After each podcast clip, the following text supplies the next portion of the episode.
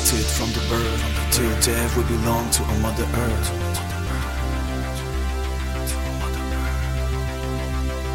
There's a battle of two wolves inside us all. The one is love, truth, peace, empathy, and hope. The other's anger, lies, jealousy, and greed.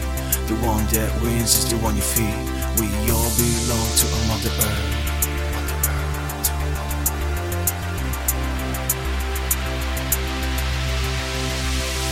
There's a battle of two wolves inside us all. The one is love, truth, peace, empathy, and hope. The other's anger, lies, jealousy, and greed. The one that wins is the one you feed.